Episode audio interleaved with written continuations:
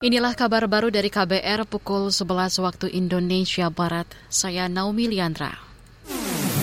Kabar Pemilu. Kabar Pemilu. Polri menegaskan telah menyiapkan Asta Siap untuk menyongsong pemilu 2024. Asta Siap itu adalah siap piranti lunak, posko, latihan praoperasi, kondisi Kamtipmas, masyarakat, kuat personil, siap sarana dan prasarana, serta siap anggaran.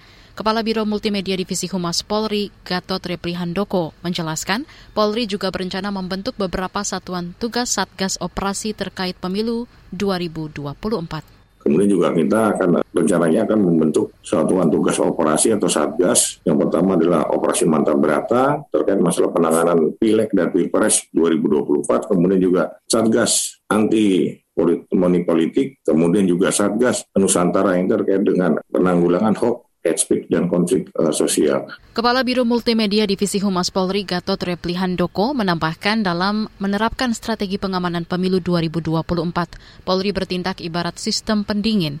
Sistem ini sebagai upaya preemptif. Caranya antara lain dengan menyampaikan edukasi pemilu melalui dialog, fokus grup diskusi, dan lainnya.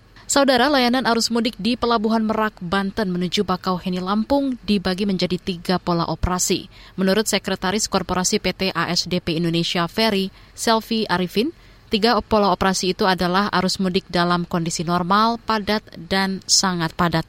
Saat kondisi arus mudik padat, BPTD akan menginstruksikan pengoperasian kapal laut berkapasitas besar guna menampung lebih banyak penumpang.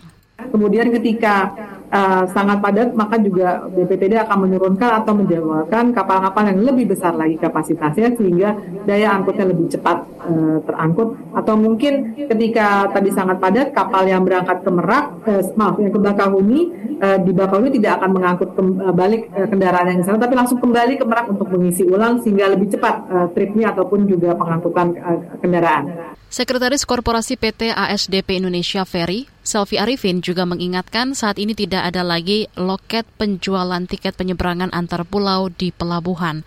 Masyarakat dihimbau membeli tiket secara daring melalui aplikasi Ferizi, situs resmi PT ASDP Indonesia Ferry, dan gerai-gerai swalayan yang menjadi mitra.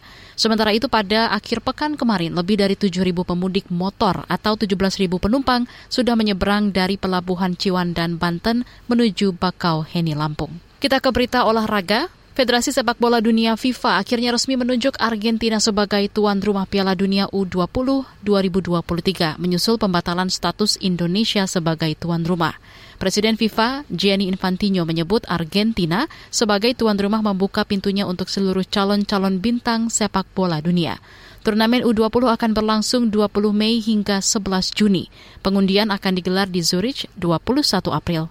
Menyusul pembatalan status Indonesia sebagai tuan rumah turnamen, Asosiasi Sepak Bola Argentina AFA mengajukan diri sebagai pengganti. Pekan lalu pengajuan AFA ditindaklanjuti FIFA dengan menginspeksi sejumlah stadion yang diusulkan berikut infrastruktur pendukungnya. Dengan penunjukan itu, Argentina pun secara otomatis berhak ikut berkompetisi di Piala Dunia U20 sebagai tuan rumah menggantikan Indonesia. Argentina merupakan negara paling sukses dalam sejarah Piala Dunia U20 FIFA setelah memenangkan turnamen tersebut sebanyak enam kali. Terakhir Argentina menjadi jawara pada 2007 lalu. Demikian kabar baru saya Naomi Liandra.